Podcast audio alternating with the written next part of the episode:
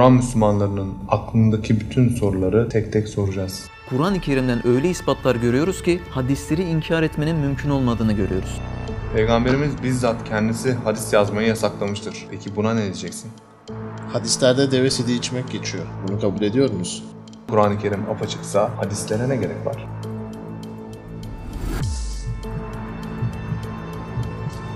Editörümüzden bir soru geldi.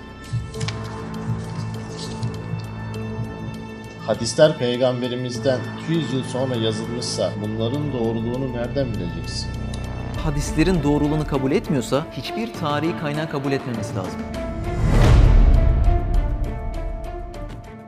Bugün Kur'an Müslümanlığı ve hadislerin doğruluğu hakkında konuşacağız. Hazır mısın?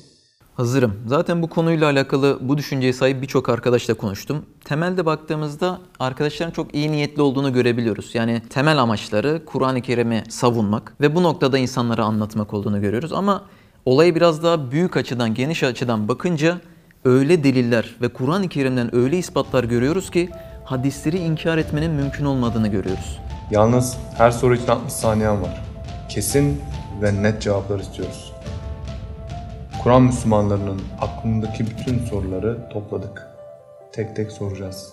Kur'an'dan konuşalım. Kur'an'ın ne dediğine beraber bakalım. Kur'an bize yetmez mi? Hadislere gerek yok diyenler var. Onlara ne diyeceksin? Bu konuyu yine o zaman Kur'an üzerinden konuşalım. Biz Kur'an-ı Kerim'e bakalım ve Kur'an-ı Kerim'de bu dediğiniz mesele var mı yok mu onu inceleyelim. Kur'an-ı Kerim'e baktığımızda hadislere lüzum yoktur diye bir ibare görüyor muyuz? Böyle bir ibare Kur'an'da yok. Tam tersi hadislere uymamıza yönelik, peygamberimize ittiba etmeye yönelik birçok emir görüyoruz. Hatta 30'dan fazla ayette peygamberimize bizi yönlendiriyor. Hatta emrediyor. E Şimdi o zaman ben Kur'an-ı Kerim'i incelersem beni sünnete yönlendirdiğini ben görüyorum. Bırakın hadisleri kenarda bırakmayı bizzat hadislere beni yönlendiriyor. Şimdi o zaman biz Kur'an'ın evrensel olduğuna bakarsak yani günümüz için geçerli olduğunu görünce benim peygambere ittiba etme emrini uygulamam için ne gerekiyor? Peygamber sallallahu aleyhi ve sellem hayatta olmadığına göre sünnetlerin ve sahih hadislerin günümüze kadar gelmesi gerekiyor ki benim peygambere ittiba emrine uymam gerçekleşsin. Demek ki sahih hadislerin ve sünnetlerin günümüze kadar gelmesi gerektiğini ben Kur'an-ı Kerim'e bakınca zaten anlayabiliyorum. Ayrıca şunu da söylemek istiyorum. Biz dinin en önemli meselesi olan namaz ve zekat gibi en önemli kurallarına, ibadetlerine baktığımızda Kur'an-ı Kerim'de detaylı bir anlatım bulamıyoruz. Mesela namazın kaç rekat olduğu veya zekatın kaçta kaçı verileceği gibi en temel bilgiler bile Kur'an-ı Kerim'de yok. Yani biz bunu yine sünnetten ve hadislerden öğreniyoruz. O zaman biz Kur'an-ı Kerim incelediğimizde sünnetlere bizi yönlendirdiğini görüp ondan bizim bilgileri almamız gerektiğini net bir şekilde anlıyoruz. Kur'an-ı Kerim hadislere uymayı emreder dedin. Buna bir örnek verebilir misin? Buna onlarca örnek verebiliriz. Dediğim gibi 30'dan fazla ayette bizi buna yönlendiriyor, emrediyor. Mesela Nisa suresi 65. ayet, Nisa suresi 80. ayet veya baktığımızda yine Ahzab suresi 21. ayete baktığımızda sürekli bizi peygambere yönlendirdiğini sallallahu aleyhi ve sellem görüyoruz. Diğer bir ayete bakıyoruz. Ayette buyuruluyor. Atıyullaha ve atıyur rasul. Allah'a itaat edin ve Rasule de itaat edin diyerek bize emrediyor. E şimdi biz burada baktığımızda emrettiğini biz ayetlerde görebiliyoruz. E günümüze yine bakarsak ben Allah'a itaat etmeyi Kur'an'da zaten sağlayabiliyorken Resul'e itaati nasıl yapacağım? Demek ki yine sünnetin ve sahih hadislerin gelmesi lazım. Bir örnek daha verip konuyu bağlamak istiyorum. Mesela Ali İmran suresi 31. ayete baktığımızda orada şöyle buyrulur. Azullah. Kul in kuntum tuhibbunallaha fettebi'uni yuhibbukumullah. De ki eğer Allah'ı seviyorsanız bana ittiba edin ki bana uyun ki Allah da sizi sevsin buyurulur. E şimdi o zaman ben buna baktığımda en çok istediğimiz mesele ne? Allah'ın bizi sevmesi ve bizim Allah'a olan muhabbetimizin artması.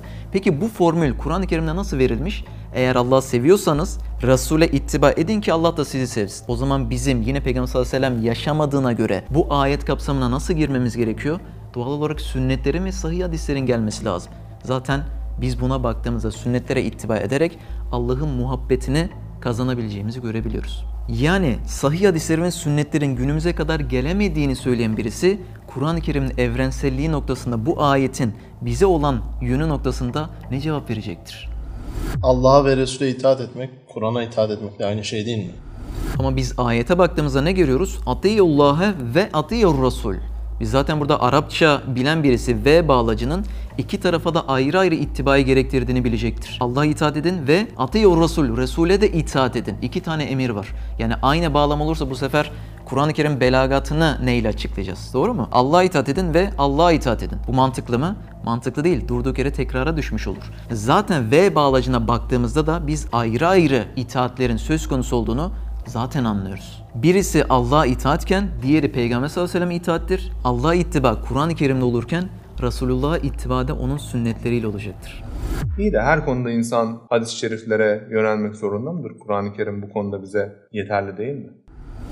Şimdi belirttiğimiz gibi zaten en başta söyledik namaz, zekat gibi temel meselelerde bile biz sünnete ihtiyaç duyuyoruz. Zaten Kur'an-ı Kerim bizi Resulullah'a ittibaya yönlendiriyor. Mesela Nisa suresi 65. ayette çok net bir ifade var. Orada buyruluyor ki Azula fela ve rabbike la yu'minuna hatta yuhakkimuke fima şecere beynehum. Ayet devam ediyor. Burada diyor ki Rabbin üzerine yemin olsun ki aralarında filizlenen yeni meseleler hakkında seni hakem tayin etmedikçe ve verdiği hükme tam bir teslimiyetle razı olmadıkça ve teslim olmadıkça iman etmiş olmazsınız buyuruluyor mealen.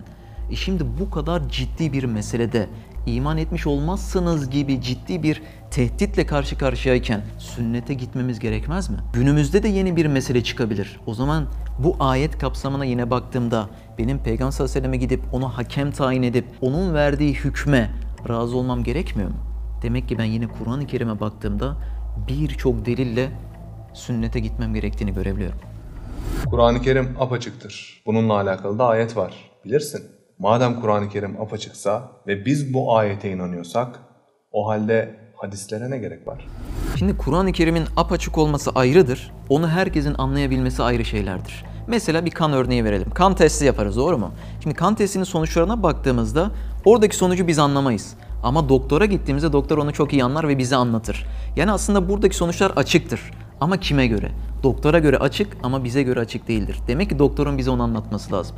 Bu örnekteki gibi de Kur'an-ı Kerim açıktır ama Peygamber sallallahu aleyhi ve sellemle beraber onun anlatmasıyla beraber açıktır. Meal üzerinden bakıp tefsire bakılmadığı için yanlış anlaşıldığını görebiliyoruz bu ayette.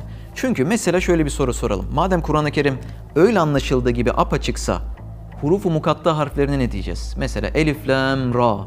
Şimdi apaçıksa buradan ne anlaşılacak? Veya yasin. Şimdi yasin harfinde bakalım burayı nasıl anlayacağız? Demek ki Kur'an-ı Kerim mealdeki gibi anlaşıldığı gibi apaçıksa o zaman hurufu mukatta harflerini neden anlayamıyoruz? Dediğimiz gibi.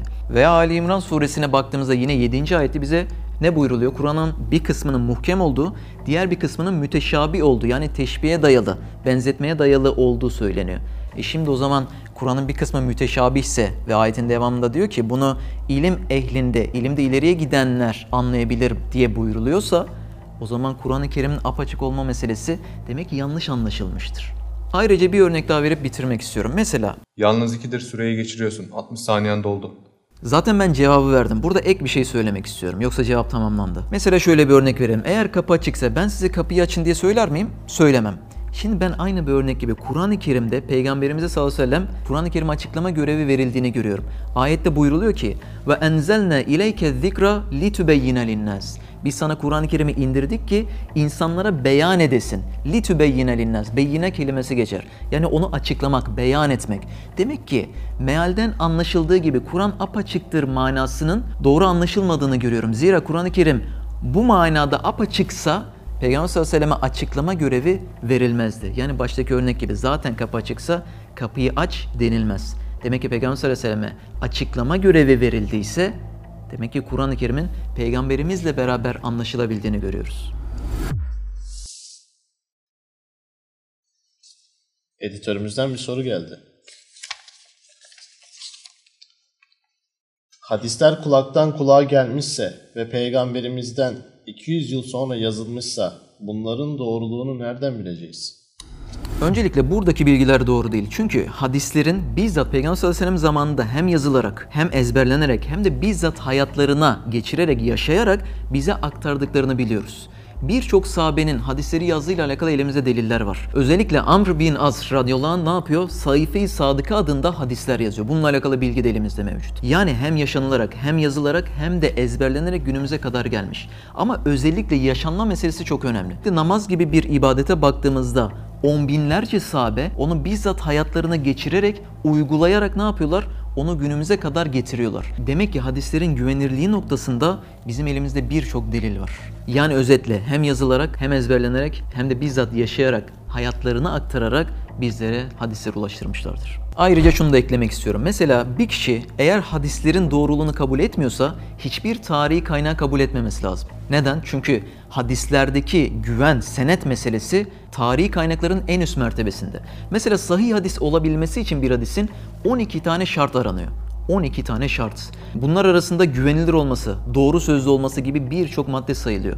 Özellikle İmam Buhari radıyallahu anh'a baktığımızda o 13. şartı da ekliyor. Ekstra bir şart da ekliyor. Hadis rivayet eden kişi bizzat o kişinin yanında uzun bir müddet yaşamış olması lazım diyor. Yani biz sahih hadislerin günümüze kadar gelmesine, hem senetli gelmesine, hem 12 şart aranmasına, hem de Buhari kaynağının ekstra bir kural koyması gibi kurallara baktığımızda hadis kaynaklarının ne kadar güvenilir bir şekilde bize geldiğini anlayabiliyoruz. Yani günümüzde sanki hadisler kulaktan kulağa gelmiş gibi davranılıyor. Halbuki bir kişi rivayet aldığı kişinin yanında aylarca bekleyebiliyor. Veya diğer şarta baktığımızda doğru sözlü olma, hafızası kuvvetli olma gibi onlarca şart saydık. Onlarca şart, onlarca kuralla beraber hadisler günümüze geliyor. Bir hadise baktığımızda kim tarafından kime söylenmiş, senetleriyle beraber her türlü bilgi içerisinde mevcut. Hatta şöyle söyleyeyim, bir kişi gençliğinde hafızası kuvvetliyken ondan hadis kabul edilirken yaşlandığında hafızasını kaybetti diye o kişinin evliya olduğunu düşünseler bile ondan hadis almamaya başlıyorlar.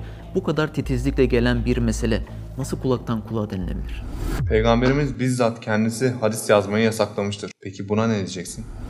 Şimdi bu bilgi yine hadislerle bize ulaşılıyor doğru mu? O zaman hadisleri kabul etmeyen birisi bu bilgiyi niye kabul ediyor diye sormak lazım. Ama baktığımızda yine hadisleri incelediğimizde biz zaten cevabı görebiliyoruz. Peygamber sallallahu aleyhi ve sellem 23 yıllık peygamberlik döneminin ilk başında hadis yazmayı yasaklıyor. Ama neden? Çünkü Kur'an daha yeni yeni nazil olduğu için, yeni yeni indiği için insanlar onun anlatım üslubuna daha yeni alıştığı için onunla beraber hadisi yazmayı o dönem için yasaklıyor. Çünkü insanlar daha Kur'an-ı Kerim'e alışmamış. Yani karıştırılma endişesiyle beraber insanlar karıştırabilir hadiste Kur'an'ı diye ilk başta yasaklıyor.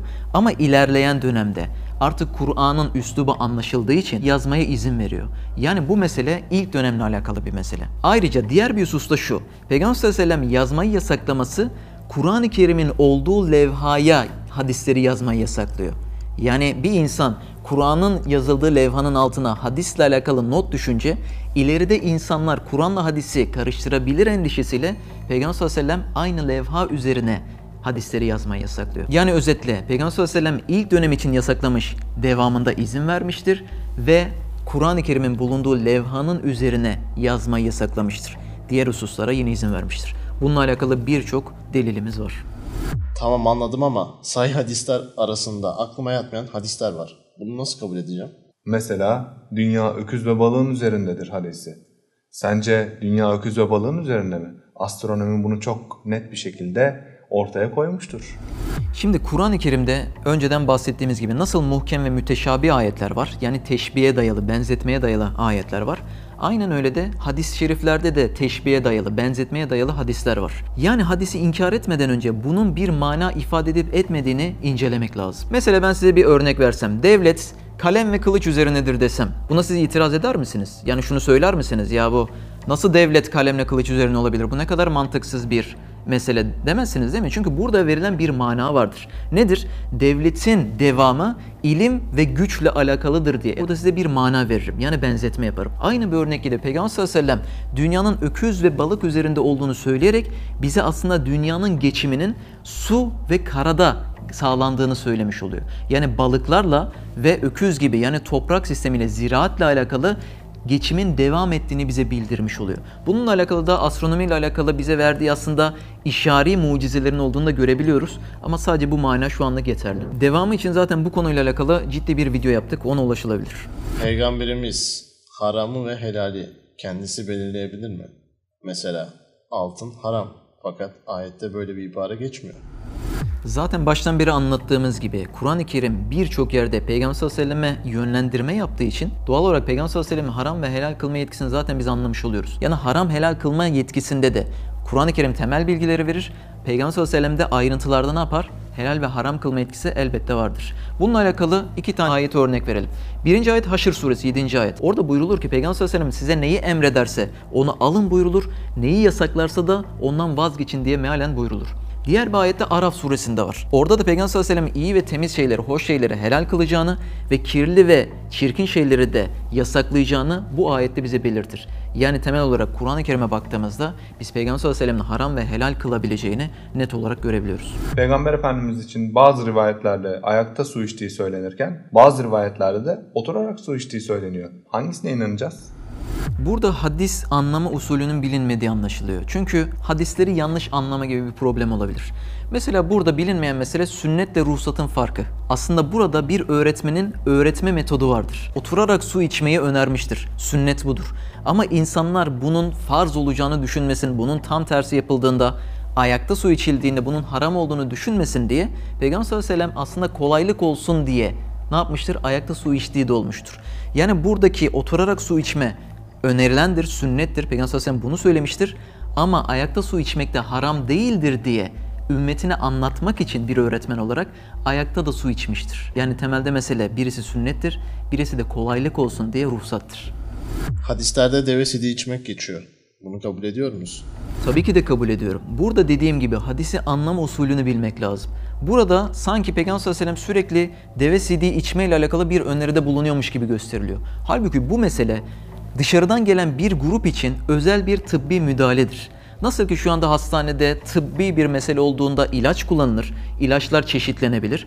Bunun gibi de Peygamber sallallahu aleyhi ve sellem dışarıdan gelen bir gruba hastalıklarının şifa bulabilmesi için deve sidiğini ve devenin sütünü önerir. Yani buradaki mesele tıbbi bir müdahale ve hastalığa şifa ile alakalı bir adımdır. Ama insanlar ne yapıyor? Hadisin hangi olay üzerine söylendiğini bilmeyince sanki sürekli bu öneriliyormuş gibi düşünülebiliyor. Halbuki dediğimiz gibi olayın tıbbi bir müdahale olduğu bilinse bütün her şey çözülecek. Yani birisi insafla ve vicdanen araştırıyorsa, gerçekten hakikati bulmak istiyorsa, Kur'an-ı Kerim'in bu ayetlerine baktığında ve hadislerin anlama usulünü öğrendiğinde aslında sahih hadislerin ve sünnetlerin ne kadar gerekli ve önemli olduğunu ve aslında sahih hadislere uymamız gerektiğini ve bunları inkar etmenin ne kadar aslında gereksiz olduğunu anlayacaktır. Bir de şöyle düşünelim. Eğer anlamadığımız bir hadis dahi olsa bunu neden inkar edelim ki? Şunu demek daha mantıklı değil mi? Bir manası vardır. Ben şu an anlamamış olabilirim. Bunun elbette bir işareti, bir benzetme usulü olabilir diyerek hadisi inkar etmek yerine ben şu anda anlayamadım ileride anlayabilirim demek daha mantıklı değil mi? Daha insaflı değil mi?